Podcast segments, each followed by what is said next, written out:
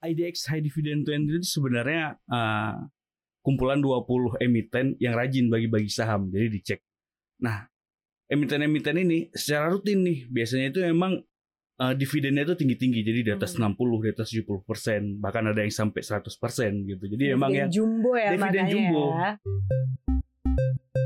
jadi dekat-dekat uh, RUPST atau dekat-dekat uh, dari mulai situ ya sebenarnya harga saham-saham yang rajin bagi dividen itu udah mulai naik tinggi tuh mbak. Hmm.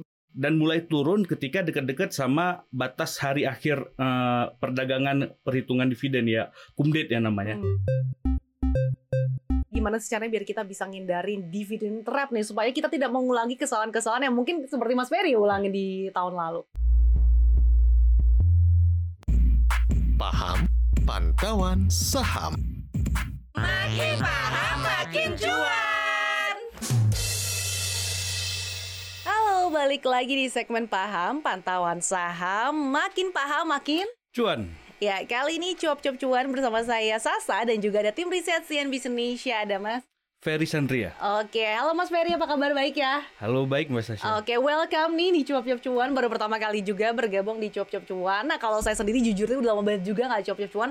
Tapi yang pasti kita nggak bakal lama-lama nih ya akan membagikan berbagai informasi yang menarik kepada Sobat Cuan. Nah, Mas Ferry dan juga Sobat Cuan kita tahu bahwa di akhir uh, kuartal 2 tahun ini kan biasanya perusahaan sudah mulai banyak nih yang mengumumkan terkait dengan penggunaan laba bersihnya. Apakah digunakan uh, sebagai laba ditahan atau justru bagi-bagi rezeki nih kepada para pemegang saham sebagai dividen. Nah, tapi gimana ya biar kita sebagai dividen hunter atau bisa cuan tapi nggak terjebak di dividen trap. Langsung saja kita ngobrol-ngobrol nih Mas Ferry.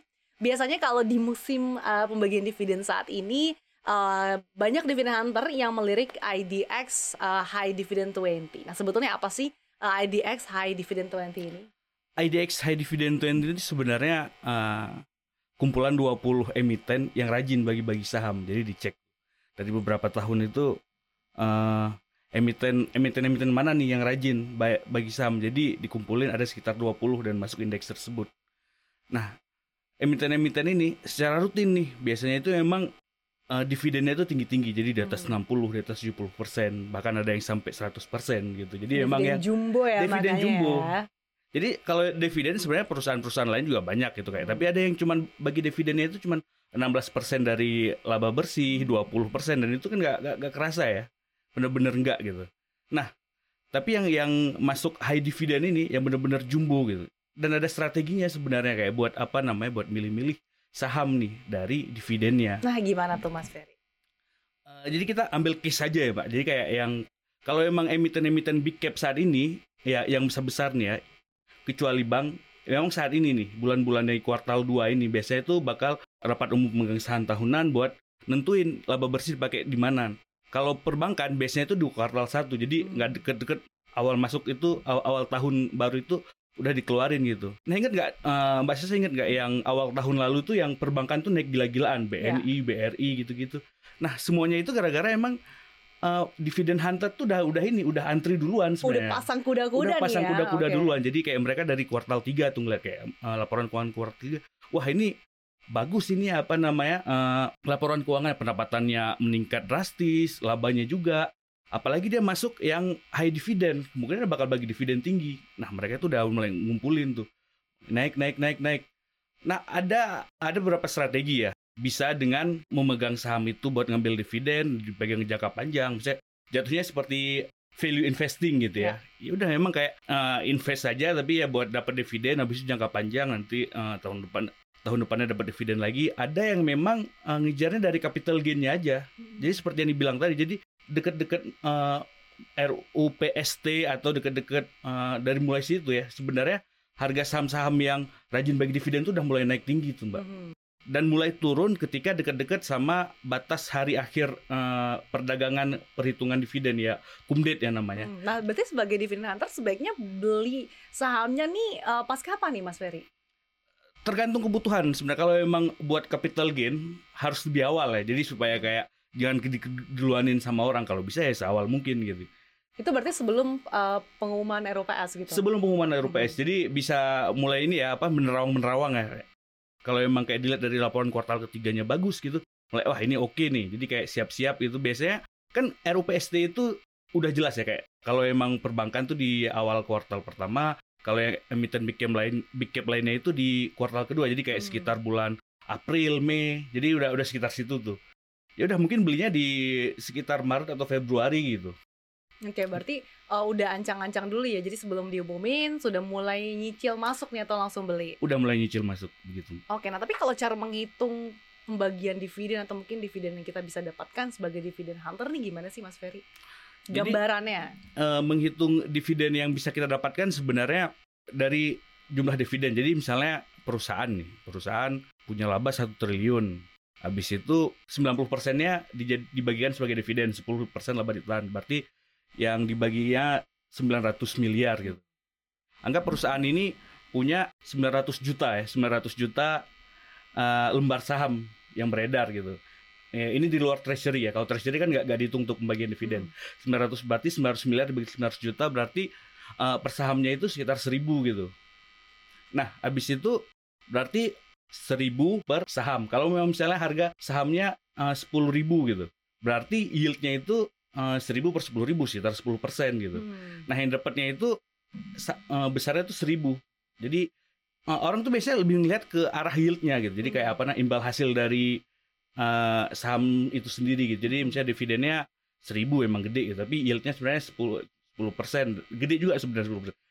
Mungkin yieldnya uh, kalau emang 20 ribu lah harga sahamnya gitu ya uh, saham-saham yang walaupun udah jarang ya saham-saham yang double digit sekarang Iya. karena udah pada stok sulit anggap aja misalnya 20 ribu gitu berarti yieldnya tuh sekitar 5% gitu nah yieldnya itu yang dilihat Oke, jadi selain dilihatnya yield ini apa saja sih yang perlu dipertimbangkan oleh para investor yang berburu dividen nih Mas Ferry? yang perlu dipantau ya tadi sebenarnya kalau emang pendekatan sendiri ya tergantung pendekatannya apa namanya approach-nya investingnya tuh yang gimana gitu. Kalau emang pengen ini ada yang unik sebenarnya. Saya eh, saya tuh pernah kayak gini ya apa ada ada yang yang unik. Ini pengalaman pribadi ini ya. Jadi eh, tahun lalu itu eh, Antam bagiin saham gitu. Nah saya tuh belinya di jauh-jauh hari gitu. Saya udah dapat capital gain saya jual gitu sekitar berapa persen gitu ya, saya, Hmm. saya lupa. Habis itu di minggu terakhir itu harganya turun turun turun terus. Nah, karena saya rasa kayak Antam kan ini apa namanya eh, termasuk yang eh, big cap yang yang Potensial gitu ya dari Ya. segi eh, perusahaan, Perusahaan juga sendiri gitu. Jadi emang udah turun. akhirnya saya ini jadi pas di harga turun sebelum kemudian itu saya saya ambil ya udah saya pegang buat setahun ke depan gitu. Jadi saya saya udah dapat dari capital gainnya saya dapat dari dividennya walaupun setelah pembagian dividen dia eh, turun. Harganya emang kayak beberapa lama itu sempat turun. Habis itu jelang akhir tahun harganya naik lagi. Karena memang saya eh, pendekatan saya lebih ke investing ya buat yang kedua gitu. Yang pertama saya capital gain yang kedua investing. Jadi tergantung sebenarnya apa Hmm. namanya pendekatan mana yang diambil gitu. Sambil mendayung 20 terlampau ya capital gain dapat tapi dividen juga dapat. Nah ngomong-ngomong soal Antam, nah Antam ini kan juga menjadi salah satu saham dari empat saham ya mas yang masuk dalam IDX High Dividend 20 tahun ini. Nah kalau Antam sendiri ini prospeknya seperti apa sih mas? Apalagi kan kalau kita lihat kan ini kayaknya eh, dua kali lipat di pembagian eh, dividennya. Ya, Antam sebenarnya bagus ya, apa namanya kayak memang eh, pembagian dividen eh, tahun ini oke sampai naik dua kali lipat ya wajar saja sih sebenarnya karena tahun buku 2020 kan berat buat semua eh, emiten berat ya jadi kayak hampir semua emiten tuh kayak mangkas ini apa namanya eh, dividen payout ratio-nya gitu. Eh, Antam naik dua kali lipat ya sebenarnya wajar-wajar wajar aja tapi emang selain buat capital gain buat investing ini tambang eh, Antam ini menarik banget ya. Oke. Soalnya mereka tuh punya tambang yang diversifikasi. Mereka punya emas, punya bauksit, punya nikel. Nah, yang terakhir ini yang paling menarik sebenarnya. Nikel. Nikel tuh potensinya tuh gede banget di Indonesia. Jadi buat ke depannya itu eh, ruang buat Antam bertumbuh itu masih besar sekali ya. Jadi buat ada potensi penggunaan buat baterai, buat lain-lain. Harga nikel juga oke gitu. Kalau kita lihat kan ini harga sahamnya sekarang di rata-rata 2.500 nih, Mas Ferry. Nah ini kira-kira kalau misalkan bagi Divin Hunter ini potensial masuknya ini di sekitaran harga berapa sih gitu? mungkin kalau emang buat nyari capital gain ya sekarang udah udah relatif terlambat gitu ya Oke, udah ketinggalan kereta dong ya? udah udah mulai nah, ketinggalan kalau jadi mau maksudnya ngejar dividen nih biar cuan nih gi- gimana? kalau emang mau ngejar dividen buat cuan ya seperti saya bilang tadi mungkin eh, ditahannya mungkin ya jangan jangan jangan sampai terkejut kalau memang kayak tiba-tiba eh, ARB atau memang harga sahamnya turun itu wajar. Tapi memang eh, coba ditahan untuk beberapa saat karena itu bakal bounce back lagi. Oke, Jadi menarik nih. Ini kan sering kali kita kalau ngejar dividen, ketika misalkan kita udah beli nih, terus tiba-tiba pas uh, beberapa hari kemudian sahamnya ARB berjejet. Nah ini kan kita jadi panik.com nih. Maksudnya kita harus apa nih? Apakah langsung ikutan jual atau ya udah simpen aja dulu nanti kalau misalkan udah mulai naik nanti kita coba jual. Eh, jadi saya punya ini ya pandangan pribadi ada namanya bagi saya itu bukit sam- bukit dan lembah dividen gitu. Waduh. Jadi selalu seperti itu. Misalnya dekat-dekat RUPST itu eh, bakal naik naik naik jelang kumdet dia bakal turun turun. Iya. Habis itu eh, kumdet turun turun turun turun berapa saat habis itu naik lagi. Nah permasalahannya itu turunnya itu kita nggak tahu yang kayak berapa lama gitu. Kalau memang misalnya para investor yang yang eh, terbatas gitu, tentuin aja nggak apa-apa apa namanya eh, cut loss-nya di apa. Kalau memang sahamnya nggak ARB, karena bisa saja bagi dividen dan sahamnya nggak ARB, jadi Hmm. kayak ah, ya bisa dapat mungkin ya keuntungannya nggak signifikan. Tapi memang beberapa bisa aja ditunggu gitu. Soalnya Hmm. emang kayak dia bentuknya bakal bukit, lembah, habis itu jadi bukit lagi. Oke, jadi harus cari timing yang pas juga ya Mas Iya. Ferry. Oke, selain Antam ada juga emiten pertambangan lain itu PTBA. Katanya ini kalau adu kuat-kuatan yield dividen nih PTBA paling menggiurkan. Emang semenggiurkan apa sih Mas Ferry? PTBA itu sebenarnya sangat menggiurkan ya dari dividen. Jadi dividen tuh mereka bayarnya per saham tuh 800 eh 688. Ya. Ketika awal mereka pengumuman yield dividennya itu 25%. Jadi yield dividen itu dividen per saham eh, dibagi harga saham. Nah, harga sahamnya makin naik, yieldnya makin turun. Jadi sekarang dari 25 yieldnya turun ke 15. Berarti udah harga sahamnya udah naik ya selama pengumuman tersebut. Sekarang 15 gitu.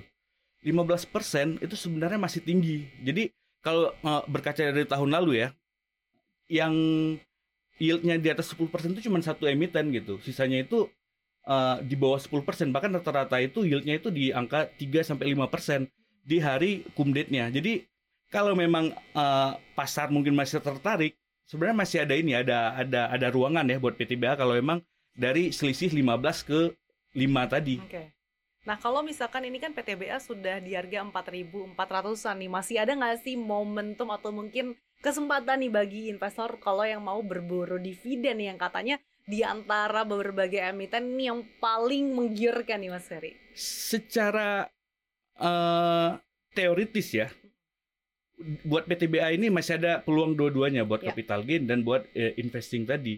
Tapi kita nggak eh, nggak tahu ya apa namanya eh, appetite pasar saat Ya. ini soalnya emang pasar emang lagi ini ya lagi roller coaster ya saat ini Masih wait and see ya. masih wait and see. Jadi sebenarnya secara teori masih oke tapi permasalahan utama di PTBA ini dia memang dari awal tahun tuh udah naik tinggi banget. Jadi Oke. dari eh, sepekan, sebulan, setahun dari awal tahun memang saham PTBA ini udah naik. Tapi walaupun dengan kenaikan tersebut yieldnya itu sebenarnya masih tinggi gitu. Jadi kayak secara hitung-hitungan saham ini tuh masih oke gitu. Oke, tapi meskipun tinggi tapi masih oke lah ya untuk Iya, masih capital oke. gain sama dividen. iya, tapi mungkin kayak investor ngelihat wah udah udah udah naik jadi kayak udah ketakutan duluan gitu ya. Hmm. Tapi padahal potensinya masih ada dan kalau memang mau dipakai buat investing ya lebih oke lagi. Hmm. Oke, selain emiten pertambangan ini kan juga ada emiten big caps perbankan. Nah, kalau di antara emiten perbankan ini yang mana nih Mas yang paling menarik untuk dilirik terkait dengan eh, pengejaran atau mungkin bagi dividen hunter? Kalau untuk emiten perbankan semuanya ya sebenarnya emiten-emiten yang gede seperti BCA, BRI, Mandiri, Hmm. BNI. Nah BNI sebenarnya yang tumbuh gede banget ya. Iya. Soalnya mungkin 2020 dia sama kayak PTBA. Jadi 2020 mereka motong eh, dividen payout ratio-nya jadi sekitar 30%. PTBA juga kayak gitu. Makanya PTBA tahun ini bener-bener semuanya ya 100%. Getol banget. Iya, gara-gara udah dipotong yang di 2020 kayak buat ngecengin ikat pinggang dan mereka udah kuat secara finansial akhirnya yang tahun ini dikeluarin semua. Sama BNI juga yang tahun ini tuh naiknya tuh berkali-kali lipat. Dan yang Mandiri, BRI, eh, BCA ya seperti yang kita tahu memang nggak diapa-apain saham itu juga pasti naik gitu. Jadi pasti bakal oke. Oke, nah mungkin eh, terakhir singkat saja nih Mas Ferry, gimana sih caranya biar kita bisa ngindarin dividen trap nih supaya kita tidak mengulangi kesalahan-kesalahan yang mungkin seperti Mas Ferry ulangi di tahun lalu. Ya eh, supaya nggak kena dividen trap kita harus tahu ya kapan masuknya. Jadi kita harus ini apa namanya kayak ngelihat kapan nih perusahaan-perusahaan yang high dividend tadi yang 20 kalau memang mau diikutin 20 itu dilihat kapan mereka eh, tahunan tuh ngelakuin RUPS. Jadi udah siap-siap lihat tuh dari mulai mungkin dari eh, laporan kuartal ketiga tuh kayak ngelihat wah ini oke nih ya apa namanya laba bersihnya kemungkinan kalau emang kuartal ketiga oke kemudian secara tahunan pasti oke gitu ya Hmm. dan tahunan oke pasti mereka bakal bagi dividen siap-siap di situ Oh, Oke, Gitu. itu tadi dia tips and trick dari Mas Ferry ya, tim riset CNBC Indonesia supaya kita bisa cuan nih dari dividen dari emiten-emiten saham khususnya tadi di IDX High Dividend 20 supaya kita juga bisa mendapatkan eh, cuan dari dividen yang sangat menggiurkan. Terima kasih Mas Ferry atas terima kasih waktunya. Sasha. Eh, Sobat Cuan, jangan lupa untuk terus dengarkan konten-konten menarik kita di podcast Cuap Cuap Cuan di Spotify, Apple Podcast, Google Podcast, dan juga Anchor. Nah, jangan lupa juga nih untuk follow Instagram Cuap Cuap Cuan di @cuap underscore cuan. Dan jangan lupa juga untuk subscribe YouTube channel kita di Cuap Cuap Cuan. Jangan lupa untuk di komen, like, dan share sebanyak-banyaknya. Saya Sasa dan juga Ferry Ya, kita pamit undur diri. Sampai jumpa di cuap-cuap cuan berikutnya. Dadah!